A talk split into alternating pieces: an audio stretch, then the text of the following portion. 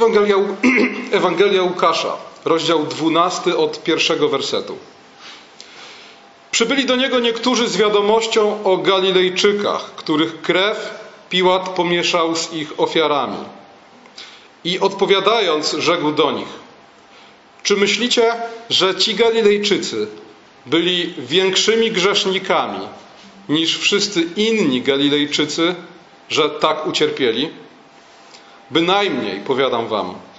Lecz jeśli się nie upamiętacie, wszyscy podobnie zginiecie.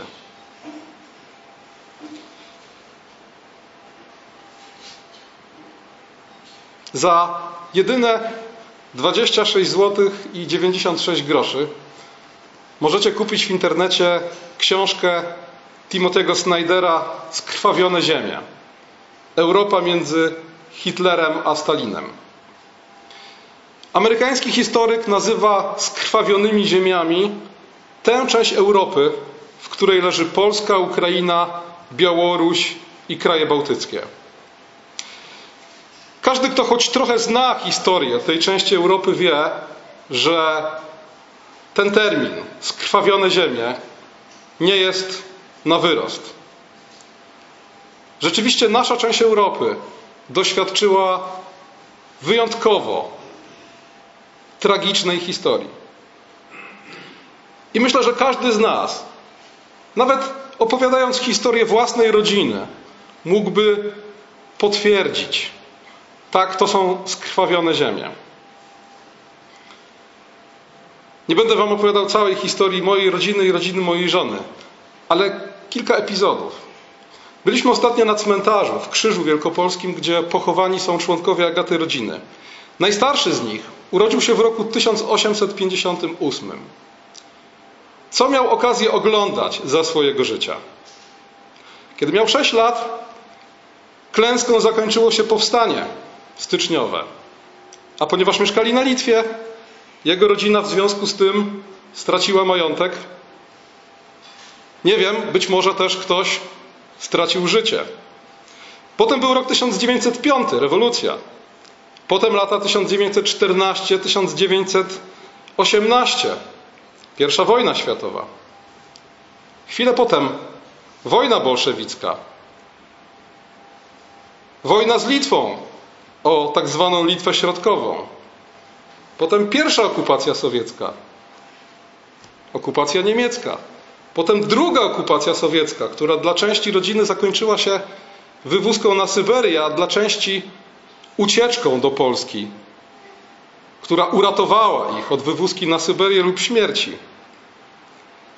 A zatem ten urodzony w 1858 roku człowiek po wszystkich tych tragicznych wydarzeniach, tuż przed swoją śmiercią, mając blisko 90 lat, po raz kolejny został pozbawiony majątku i wygnany. Z drugiej strony dziadek Agaty ledwo umknął rzezi wołyńskiej. Mój pradziadek jako polski policjant zginął od strzału w tył głowy w Twerze, a jego żona, moja prababcia, jednego męża straciła w pierwszej, a drugiego w II wojny światowej. Dlaczego ich to wszystko spotkało? Dlaczego kilka pokoleń naszych przodków doświadczało tak wielkich tragedii? Czy byli większymi grzesznikami niż ludzie żyjący w spokojniejszych miejscach na ziemi? Czy byli większymi grzesznikami niż my? My, którzy wojnę znamy z wojennych filmów, grozi nam raczej przejedzenie niż głód. Nikt nigdy nie pozbawił nas majątku, nikt nigdy nie wypędził nas z naszych domów. Czy ludzie, którzy dzisiaj doświadczają tego typu tragedii w Afryce czy w Iraku, czy są większymi grzesznikami niż my? Jezus mówi swoim uczniom: Ci, których Piłat kazał wymordować, których krew zmieszał z ich ofiarami, nie byli większymi grzesznikami niż inni mieszkańcy Galilei. Jaki z tego wniosek? jeśli nie nasze zasługi i nasza sprawiedliwość chronią nas przed tego typu bolesnymi doświadczeniami, przed dramatem wojny, głodu i wygnania, to co? To co nas chroni? Chroni nas łaska Boża. I z tego musimy sobie zdawać sprawę. To, że żyjemy w takich czasach, w jakich żyjemy, to, że cieszymy się pokojem i dostatkiem, to nie nasza zasługa, ale łaskawy Boży dar. Łaskawym Bożym darem jest pokój. Nikt z nas nie doświadczył wojny, ale być może znacie opowieści swoich dziadków, pradziadków, którzy mówili: Wszystko tylko nie wojna. Wojna jest jednym z najgorszych doświadczeń ludzkości. Słuchajcie, żyjemy w świecie, w którym ludzie, którzy urodzili się już po wojnie, mają dzisiaj ponad 70 lat. Mają ponad 70 lat i nie doświadczyli wojny. To jest na tych skrwawionych ziemiach absolutny ewenement. Pamiętacie, że wojna to nie tylko działania wojenne, to głód i powszechna demoralizacja. Wojna między państwami niestety często zmienia się wojnę między narodami, a w ostateczności wojnę wszystkich ze wszystkimi. Chociażby o chleb, którego brakuje. Nic dziwnego, że we wspomnieniach naszych dziadków i pradziadków ten motyw, oby nigdy nie wróciły te złe czasy wojenne, tak często się powtarzał. Dalej, łaskawym Bożym darem jest porządek społeczny i rządy prawa. Jeśli ktoś mnie okradnie, mogę zwrócić się o ochronę do powołanych w tym celu organów i władz. Oczywiście, każdy z nas może powiedzieć i wskazać dziesiątki przykładów na to, że rządy prawa i porządek społeczny w Polsce są niedoskonałe. Ale pytanie, czy kiedykolwiek były doskonałe? Nawet za czasów króla Dawida władza dopuszczała się karygodnych nadużyć. Sam król Dawid, dobrze wiecie, co zrobił Uriaszowi. Łaskawym Bożym darem jest też dobrobyt, dostatek. Słuchajcie, żyjemy w dobrobycie. Naprawdę. I oczywiście możemy sobie ponarzekać, że jak ogłosił Grant Tronton w zeszłym tygodniu, dogonimy Niemców, jeśli chodzi o zarobki w roku 2077. I to może nam spędzać sens powiek.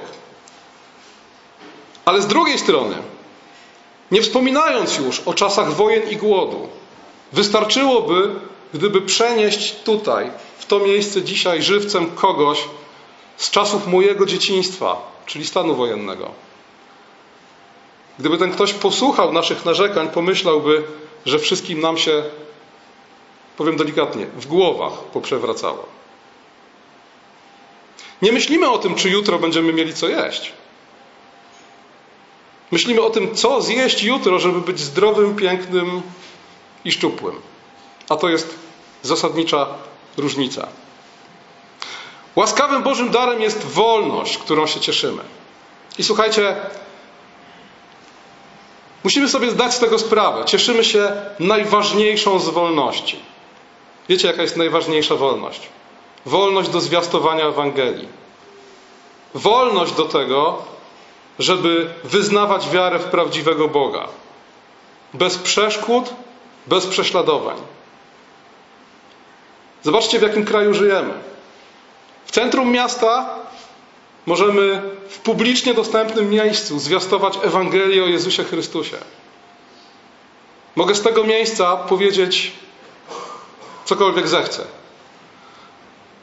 Nikt nas z tego powodu nie prześladuje.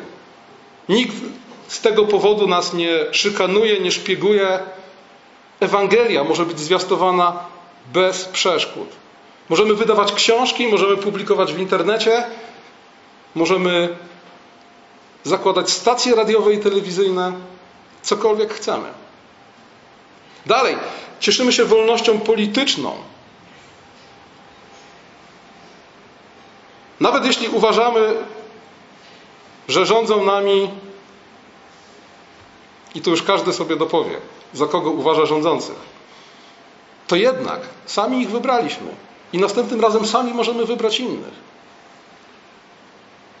Na każdym szczeblu władzy publicznej sami wybieramy tych, którzy sprawują władzę nad nami. Cieszymy się wolnymi mediami, wolnością słowa, zgromadzeń. Słuchajcie, największe prywatne media w Polsce są w aktualnej sytuacji wściekle antyrządowe. Czy to nie jest piękny przykład wolności? Tego, że każdy może mówić, co chce? Antyrządowe demonstracje są na porządku dziennym. Czy to nie jest piękny przykład wolności zgromadzeń? Cieszymy się osobistą wolnością. Każdy z nas może mieszkać gdzie chce. Nie wiem, czy wiecie, ale jeszcze w latach 80. były miasta zamknięte. Jeszcze w latach 80. nie każdy mógł się zameldować w Poznaniu. Każdy może podjąć taki kierunek studiów, jaki sobie wymarzył, oczywiście jeśli zda odpowiednie egzaminy. Każdy może żyć tak, jak chciałby żyć. Cieszymy się wolnością gospodarczą, każdy może założyć firmę i oczywiście możemy wskazać 10 tysięcy powodów i przykładów tego, że wolność, którą cieszymy się, jest niedoskonała. Jesteśmy na 41 miejscu rankingu wolności gospodarczej, a nie na czwartym jak Estonia. I jeszcze pewnie parę innych przykładów mógłbym wskazać. Ale słuchajcie, tego typu wolność, wolność, której strażnikami są ludzie i stworzone przez nich instytucje, ona zawsze będzie niedoskonała i co więcej, ona zawsze będzie zagrożona. Więc jeśli wydaje nam się, że nasza wolność jest zagrożona w jakimś obszarze, że są ludzie i instytucje, którzy czyhają na tę wolność i próbują nam ją ograniczyć lub odebrać, to dobrze nam się wydaje. Jeśli kiedyś stracimy tego typu czujność, to będzie źle. A więc chrońmy naszą wolność przed tymi, którzy chcą ją ograniczyć. Pamiętajmy o tym, że ona zawsze jest zagrożona, ale cieszmy się tą wolnością, którą mamy. I słuchajcie, łaskawym darem Bożym dla nas, jako Polaków, jest niepodległe państwo, które możemy po swojemu urządzić. Bo to niepodległe państwo jest instrumentem, za pomocą którego naród jako wspólnota może budować wspólne dobro. I tak naprawdę tylko od nas zależy, na ile z tego instrumentu skorzystamy, na ile dobry użytek z niego uczynimy. Na ile to niepodległe państwo będzie rzeczywiście instrumentem ochrony naszych wolności i realizacji naszych wspólnych interesów, a na ile będzie wspólnym więzieniem. Bo pamiętajmy, że niepodległość to nie wszystko. Kiedyś w dawnych latach z upodobaniem cytowałem myśl Korwina, który stwierdził, że będąc Chińczykiem, wolałby mieszkać w okupowanym wówczas Hongkongu niż w niepodległych ludowych Chinach bo ten okupowany przez Brytyjczyków Hongkong był miejscem, w którym człowiek mógł cieszyć się osobistą wolnością, w przeciwieństwie do tych niepodległych, ale jednocześnie komunistycznych, zniewolonych przez komunistyczną dyktaturę w Chinach. Jezus pytany o pomordowanych Galilejczyków mówi: Nie byli większymi grzesznikami niż wy. Nie dlatego zginęli. Ale mówi coś jeszcze. Mówi, ale jeśli się nie upamiętacie, jeśli się nie nawrócicie, wszyscy podobnie zginęcie. I zaraz potem opowiada przypowieść. Przypowieść brzmi tak. Pewien człowiek miał figowe drzewo zasadzone w winnicy swojej i przyszedł szukać na nim owocu, lecz nie znalazł. I rzekł do winogrodnika: Od trzech lat przychodzę aby szukać na tym figowym drzewie owocu, a nie znajduje. Wytnij je. Po cóż jeszcze ziemię próżno zajmuje? A tamten odpowiadając rzecze, Panie, pozostaw je jeszcze ten rok, a ja je okopię, obłożę nawozem, może wyda owoc w przyszłości. Jeśli zaś nie, wytniesz je. Słuchajcie, to jest niezwykły obraz Bożej cierpliwości. Ludzie i narody bywają jak drzewa nie dające owocu. Bóg nas posadził, Bóg nas otoczył opieką i oczekuje owocu. I często jest tak, że my tego owocu nie wydajemy. A Bóg zamiast nas wyciąć, wyświadcza nam jeszcze więcej dobra. Obkłada nawozem, podlewa, przycina, obdarowuje, ochrania, oczekując owoców w postaci wiary, miłości i sprawiedliwości. Ale jeśli nie wydajemy owoców, prędzej czy później zostaniemy wycięci. Bo po co komu takie drzewa, które nie przynoszą owoców? Zajmują tylko miejsce i czerpią z ziemi życiodajne soki. I zobaczcie, Bóg powstrzymuje swój sąd. Bóg zamiast sądu jeszcze więcej dobroci i cierpliwości nam okazuje, oczekując, aż w końcu owoc wydamy. Wspomina o tym list do Rzymian. W rozdziale drugim, w czwartym wersecie apostoł Paweł przestrzega, mówiąc: A może ty lekceważysz bogactwo jego dobroci i cierpliwości i pobłażliwości, nie zważając na to, że dobroć Boża do upamiętania cię prowadzi? Być może jesteśmy, ty i ja jako ludzie, my jako naród, my jako zbór, takim właśnie figowym drzewem. Być może nie wydajemy owocu i dawno powinniśmy zostać wycięci, a jednak Bóg swojej łaskawości świadczy nam dobro, które ma nas przywieźć do nawrócenia. Nie wiemy, dlaczego naszych przodków spotykało tyle nieszczęść i tragedii. Wiemy, że nie dlatego, że byli większymi grzesznikami, ale wiemy, że jeśli my nie nawrócimy się do Boga, zginiemy. Zginie każdy człowiek, który, jak pisze apostoł Paweł, zlekceważy bogactwo jego dobroci cierpliwości i pobłażliwości, nie zważając na to, że dobroć Boża prowadzi go do upamiętania. Zginie też w ostateczności każdy naród, który zlekceważy bogactwo dobroci i cierpliwości Boga. Co w związku z tym powinniśmy robić? Po pierwsze, być wdzięcznymi. I święta, takie jak dzisiejsze, są dla nas takim wezwaniem i napomnieniem do wdzięczności. Skoro Bóg pozwolił nam się cieszyć pokojem, dostatkiem i wolnością, skoro uczynił to nie dlatego, że jesteśmy lepsi od naszych przodków i od innych ludzi na świecie, którym tych wszystkich darów odmówiono, powinniśmy być wdzięczni. A wdzięczność to nie tylko słowo, ale też postawa. Jeżeli każdego dnia rano dziękujesz Bogu za pokój, dostatek i wolność i bezpieczeństwo, dobrze czynisz. To jest dobry początek. Ale jeśli później resztę dnia spędzasz na narzekaniu, marudzeniu i wieszaniu psów na wszystkich i wszystkim, nie jesteś wdzięczny. Bądźmy wdzięczni. Wdzięczność objawia się też w ten sposób, że cenimy dobre dary. A skoro je cenimy, to dobrze je wykorzystujemy. Chodzi o to, żeby dobrze korzystać z tego, co Paweł nazywa bogactwem Bożej dobroci, cierpliwości i pobłażliwości. W jakim celu Bóg mi to wszystko dał? Dlaczego Bóg pozwala mi cieszyć się pokojem, wolnością i dostatkiem? W pierwszej kolejności dla mojego zbawienia. Po to, abym mógł usłyszeć Ewangelię, uwierzyć w Chrystusa i wytrwać w wierze w Nim, wiodąc, jak mówi apostoł Paweł, życie ciche i spokojne we wszelkiej pobożności. Dalej, Bóg dał mi to wszystko też dla rozkrzewienia Ewangelii. Słuchajcie, rzymskie drogi doskonałej jakości, które łączyły spajały w jeden organizm dużą część Europy, Afryki i Azji.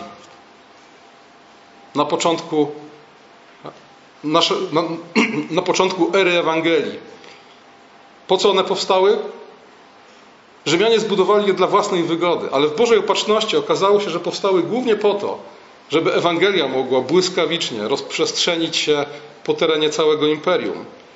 pokój rzymski, czyli ten stan względnej stabilności i bezpieczeństwa na dużym obszarze.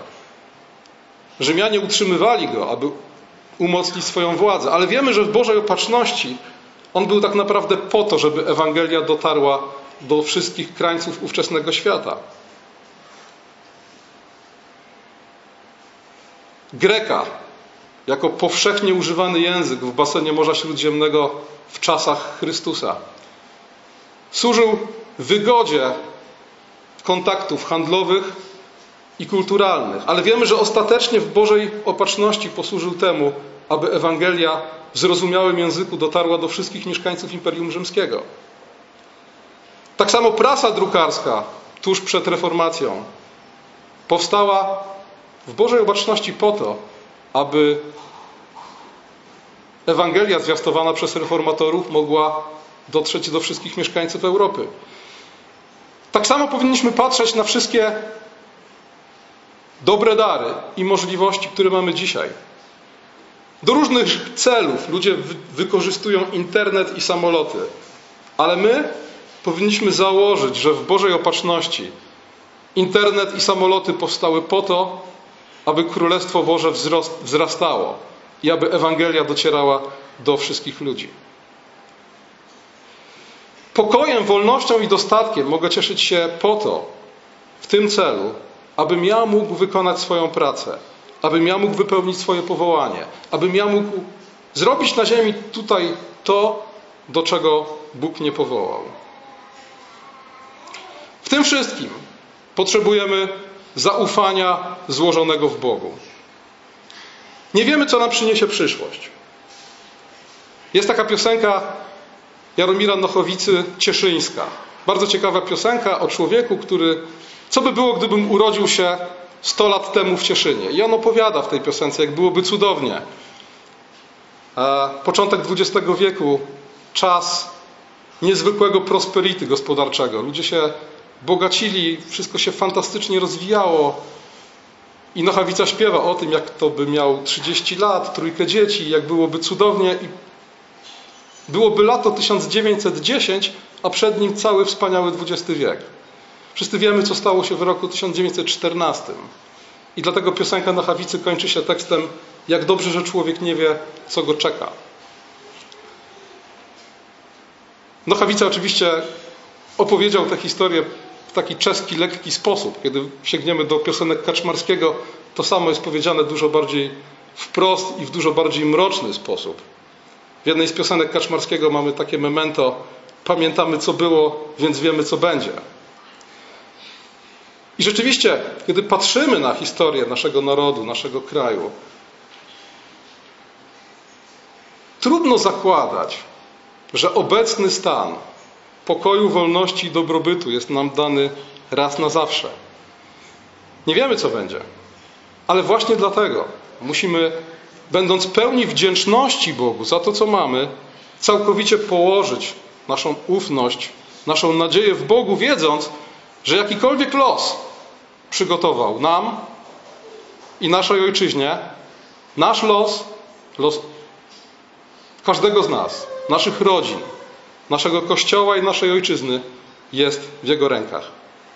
Dlatego w tym szczególnym dniu bądźmy wdzięczni za naszą ojczyznę, cieszmy się pokojem, dostatkiem i wolnością, szanujmy dobre Boże dary, szanujmy Rzeczpospolitą, jej prezydenta, rząd, inne władze.